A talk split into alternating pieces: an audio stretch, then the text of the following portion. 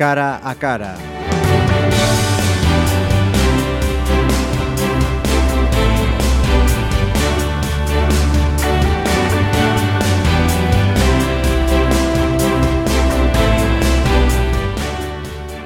Saludos, buenas tardes. Nos habíamos planteado hace unas semanas una pregunta.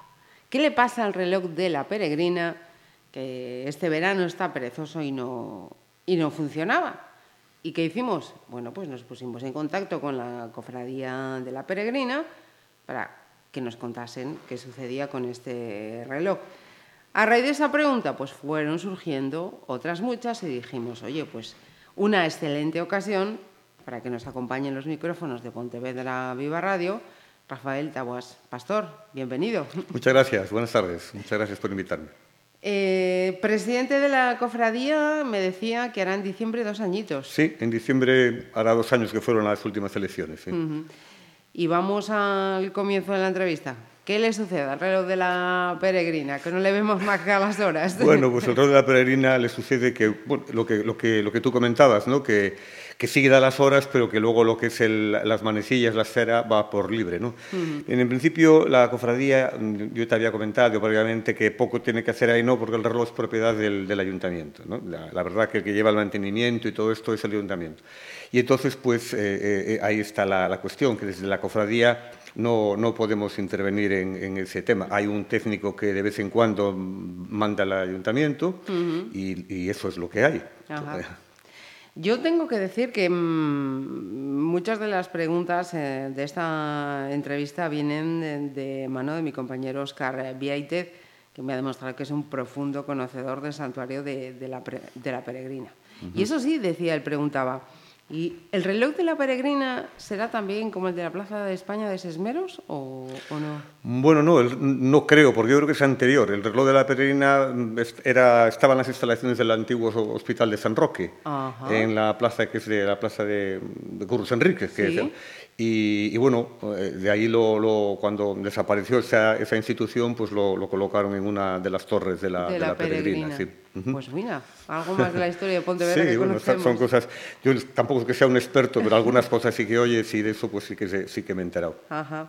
Eh, Rafael, eh, vamos a hablar un poquito de, de proyectos eh, en marcha que no se pueden eh, por ahora poner en, en marcha, que sí uh -huh. están dando sus pasos y algunas eh, vicisitudes, problemillas que tenéis pues eh, sí. para mantener el santuario sí, en las condiciones claro. ¿no? que a todos nos, nos, gustaría. Sí, bueno, mantener el santuario no, no, es fácil y últimamente pues mucho menos porque el santuario es un bien de interés cultural, tiene una protección ya prácticamente máxima y entonces cualquier intervención o cualquier atención que quieras hacer tiene que contar con el visto bueno de patrimonio y eso ralentiza las cosas de una forma, de una forma brutal, ¿no? Porque, bueno, en patrimonio tienen montones de, de asuntos que tratar, me parece que se reúne una vez al, al mes en Santiago uh -huh. y todas las cosas pues tienen que ir, tienen que ir a, a la cola, ¿no?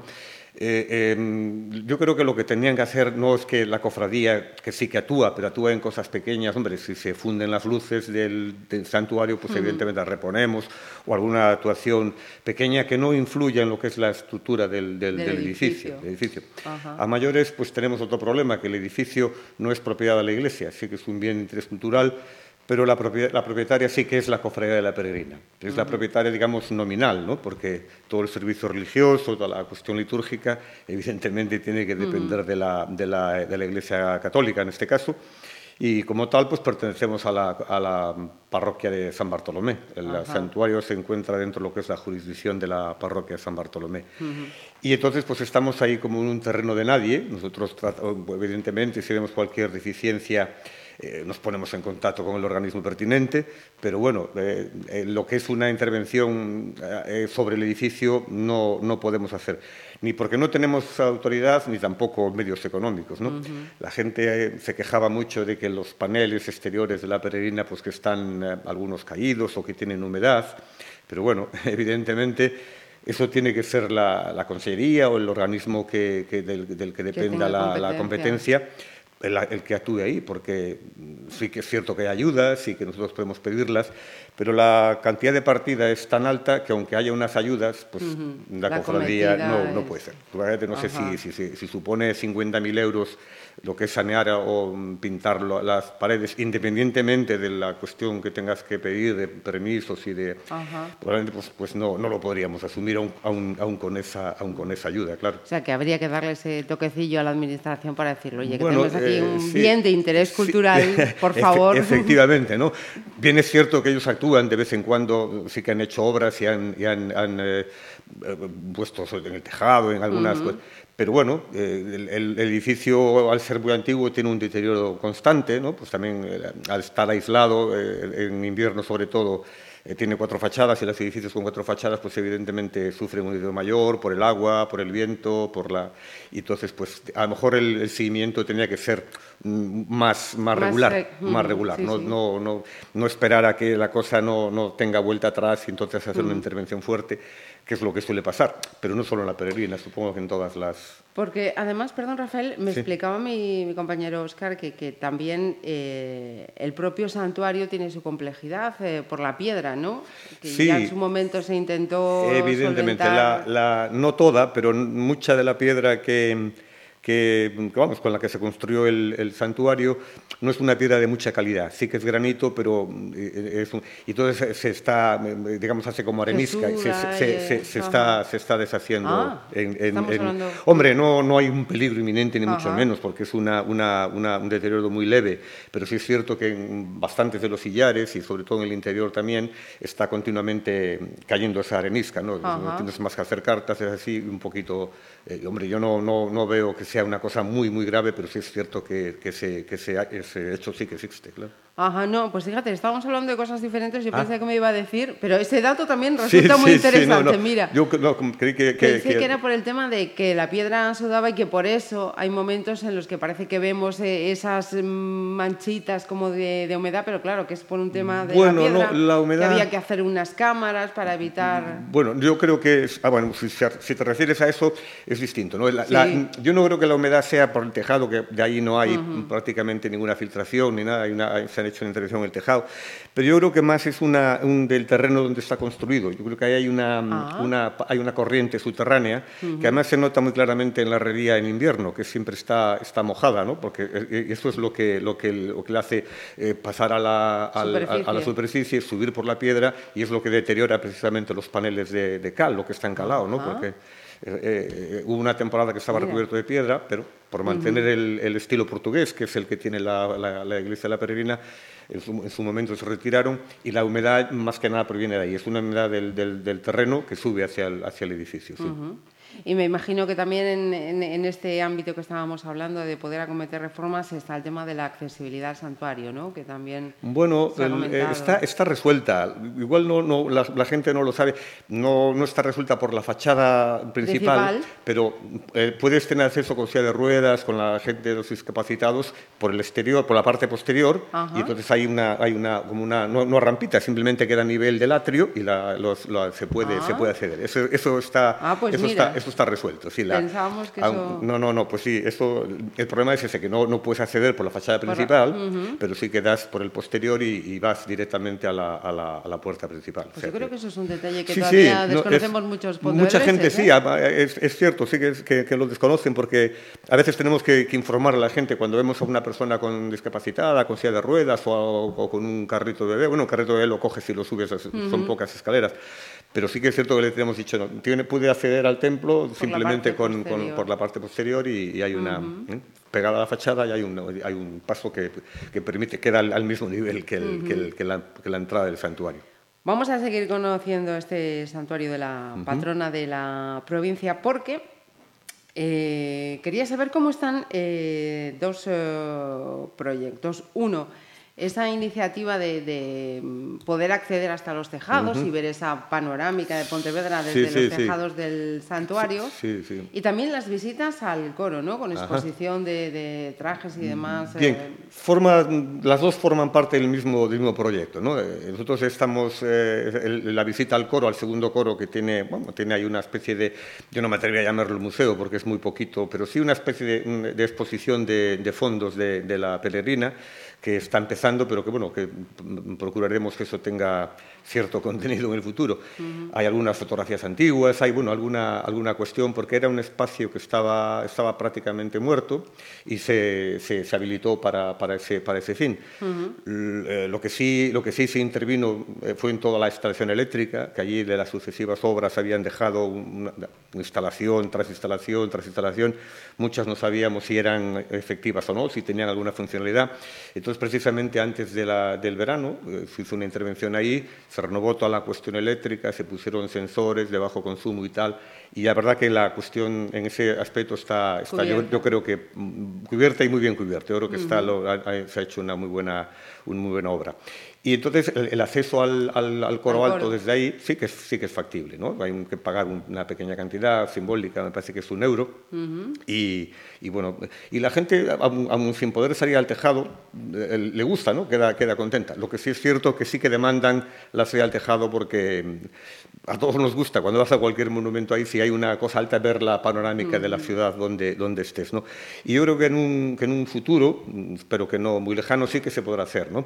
Está una, una, una, mini, mini, obra hecha, una mínima obra hecha, pero de nuevo nos encontramos lo que comentabas al principio, que son los permisos de, de patrimonio, ¿no? porque eso tienen que homologarlo y entonces eso pues lleva es un proceso lento. El secretario está precisamente en ese tema, eh, pues una, es, un, es una, una, persona que es un abogado, sabe, es un letrado, y entonces pues es la, nos creemos que es la persona más indicada para llevar ese tema. Yo calculo que a lo mejor, no sé, si no es en, Semana Santa que viene, pues para el verano que viene puede, pueda que esté, que esté resuelto. Oh, pues mira, tenemos... Eh, ojalá, ojalá, porque sí. que es muy demandado. Y la verdad que es una, una, es una, una vista muy bonita, ¿no? porque no solo es sobre la zona antigua, sino que alcanzas hasta, hasta, hasta incluso hacia ah. Pollo, ves la, la, los, los, puntos referentes de la ciudad, ¿no? pues, como este Atlante que tiene la, caja de ahorros, ¿no? Que, es como una... Y es una visión distinta, claro, es una perspectiva distinta.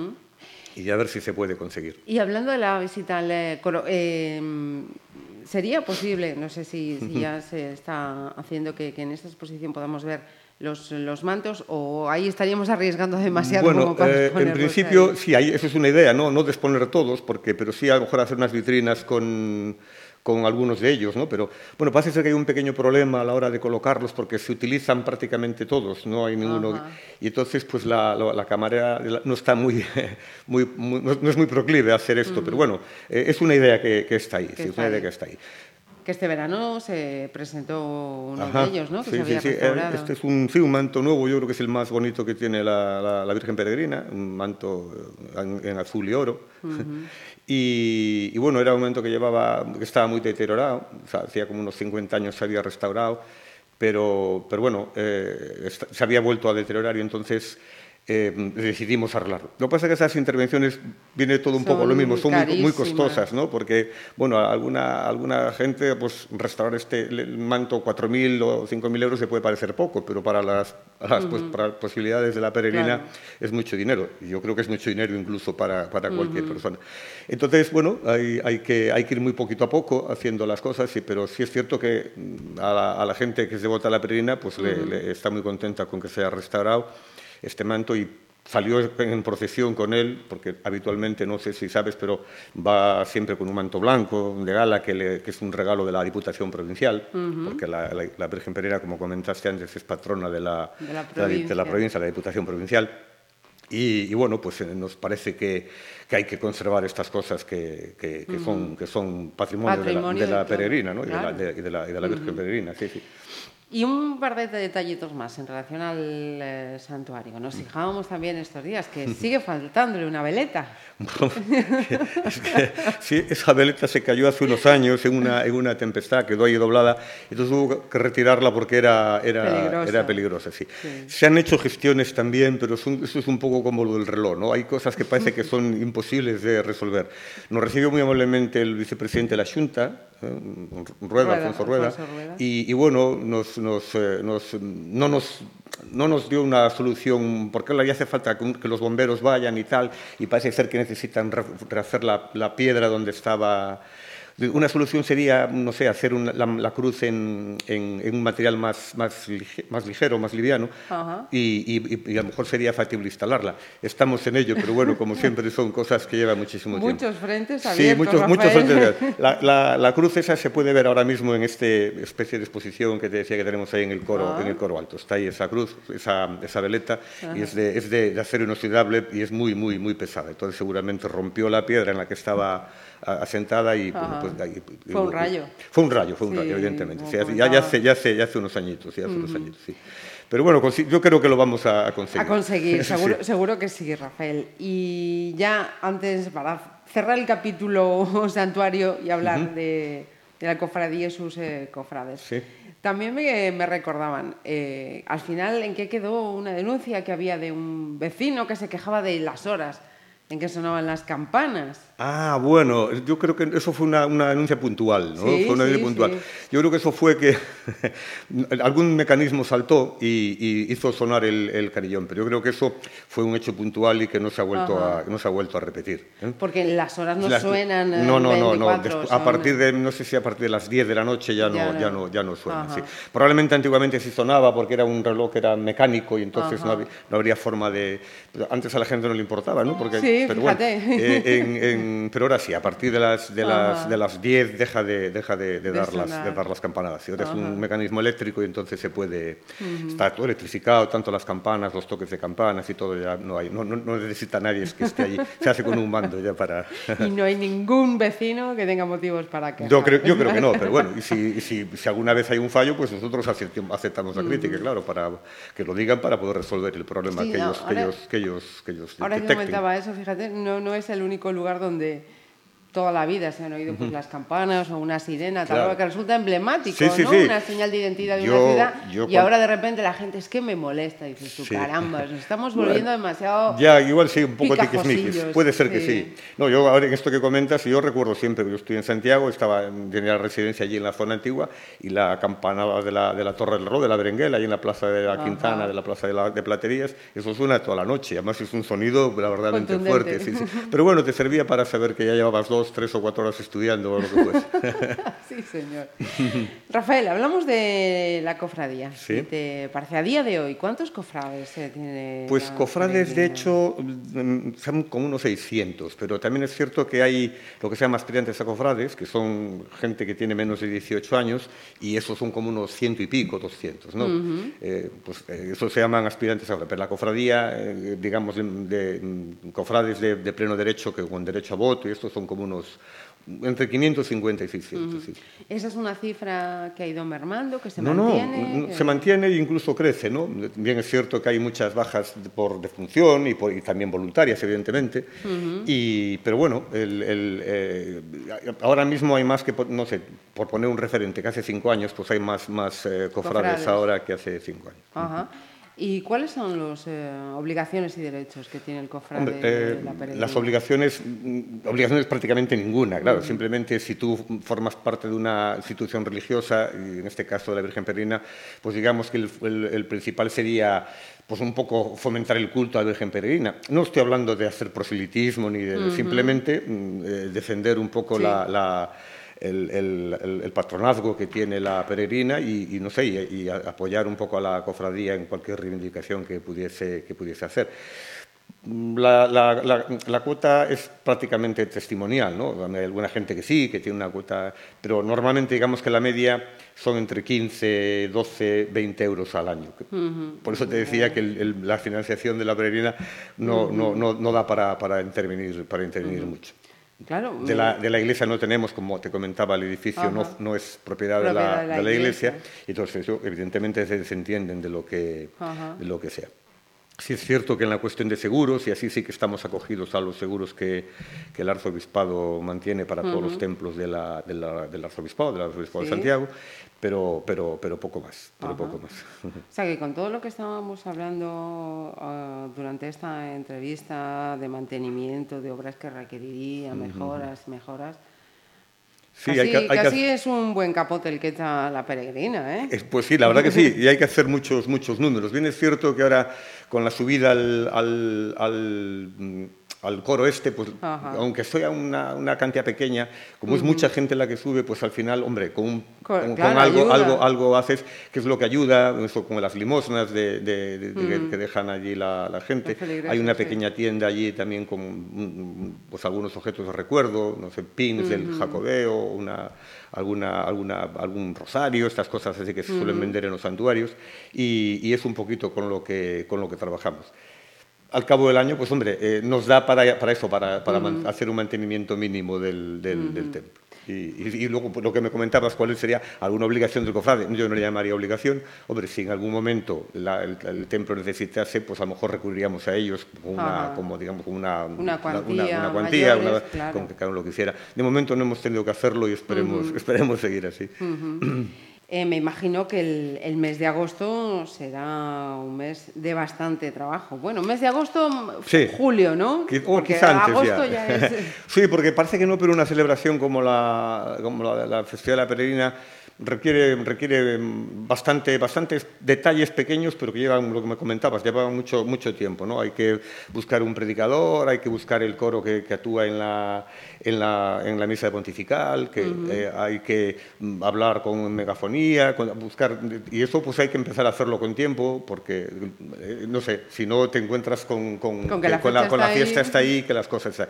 Pero bueno, como también es un poco inercia, ya sabes que tienes que con el ayuntamiento para determinadas cosas, con el arzobispado para otras, luego sabes que tienes que mandar las invitaciones para la gente, que las autoridades de la, de la ciudad y de la provincia que, que, suelen asistir, cada vez menos, claro, como es lógico, porque es, una, es un, estamos en un estado confesional y es muy respetable el que quieren asistir o no.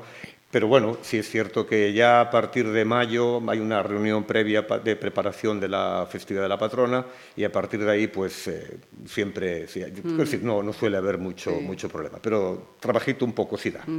Y los aspirantes a cofrades me imagino que cruzando los dedos para a ver si soy yo el que puede... Sí, bueno, antes había un sorteo, pero hombre, yo particularmente creía que era un poco injusto, porque yo creo que un sorteo es justo cuando es entre iguales, ¿no? Si hay pero si hay gente que, la verdad, tiene familiares y lleva muchísimos años en la peregrina y no, yo creo que no está a la par de una persona que sea de alta, muchas veces con el único objetivo de que su niño vaya a la peregrina y en cuanto, en cuanto termina la festividad se dan de baja. ¿no? Entonces, esto no, no, no, ha pasado una vez, ni dos, ni tres. Y, y entonces lo que hemos hecho es hacer una especie de baremo y, entonces puntuando pues, por los años de antigüedad de, de, de, ellos, de su, si tienen familias, familiares directos, evidentemente, padres o abuelos, y, y, poco más. ¿no? Así, entonces, eso ya eh, lo, lo, que hace es mm, diversificar un poco. Y, luego sí, con ese baremo, con esa puntuación, hay tres, cuatro, cinco personas que, que tienen la misma puntuación, entonces sí que es cuando se hace el, el sorteo. Pero bueno, yo creo que es más es más justo lo del baremo que un sorteo donde mucha gente a veces sale pues por suerte, ¿no? Y, no, la verdad que no tiene ningún compromiso ni ningún apego a la, a la cofradía ni mantiene, un, mantiene la vinculación, con, con, la, con, la, misma. Entonces, es, en el último, el último año antes se decidió, se decidió cambiar. Hay gente que le parece muy mal, evidentemente, hay pero bueno, como nunca llueve a gusto de todos, ya, ya tiene, es difícil contentar a todo el mundo, ¿verdad? Efectivamente, pero eso, eso, eso en todo, en todo. Pues eh, Rafael, muchísimas eh, gracias, eh, porque además me, me imagino que también es un orgullo ser el presidente de una cofradía de una virgen como la, pues peregrina, que es un emblema y, un motivo. Sí, sí que es cierto. Yo siempre digo ¿no? que, la, que la peregrina, yo creo que es un referente no solo para la gente creyente, yo creo que para todos los pontevedreses, ¿no? porque es algo, algo nuestro. Yo digo nuestro porque me considero pontevedrés ya. Yo pontevedrés de la provincia soy, yo nací en Redondela, pero llevo aquí bueno, toda la vida, o sea que entonces ya eh, poca vinculación tengo con Redondela y muchísima con Pontevedra. Pero mi mujer sí que es pontevedresa, mis hijos son pontevedreses y, y como decías, para mí evidentemente es un orgullo y, y mientras haya un poquito de fuerza y estaremos para, para... yo, si me permites, que haga un comentario. por, eso que decías tú que es un referente, que decía yo, que es un referente para la peregrina, eh, independientemente de, la, de, la, de, que, de, que, creas o que no creas, que seas católico o no. Yo no sé, tú eres pontevedresa, no sé. Yo me pasa, lo, me pasa, lo, mismo que a ti. Llevo ya muchos años en Pontevedra pues y podemos decir que de adopción pues, como, como, decía mi abuelo, uno no es de donde nace, sino de donde pase. Entonces, eh, yo siempre, siempre me fijo cuando hay cualquier celebración, ya sea la Feira Franca, que poco tiene de religiosa, o, la, o, la, Navidad, que sí lo es, eh, cualquier, cualquier negocio, empresa de Pontevedra que se anuncia suele poner como debajo del felicidades o del feliz o Feira Franca o como sea, pues una imagen del santuario o de la, o de la imagen de la peregrina, ¿no? para desearnos a todos eh, felices fiestas, independientemente de, cuál sea la fiesta. Es un icono de la es ciudad. un icono de la ciudad. Yo creo que hay que pues despojarla muchas veces de, esa, esa cuestión religiosa, porque yo creo que es una, una, joya que tenemos en la ciudad. Eh, es el edificio más fotografiado con diferencia de, Pontevedra. y además en la situación que tiene, aunque no quieras, si vienes a Pontevedra la ves, ¿no? Efectivamente. si quieres Santa Clara, hombre, es una, preciosa, una iglesia preciosa. Y cualquiera que viene haciendo el camino, ¿a dónde tiene que pasar? la peregrina. si vienes a incluso sales a tomar un café y te pasas por delante de la peregrina. ¿no? pues Rafael, ha sido un placer, muchas gracias y con tu permiso volveremos a llamarte más cuando, cuando, cuando lo necesitéis. El placer ha sido mío. Muchas gracias, Marisa.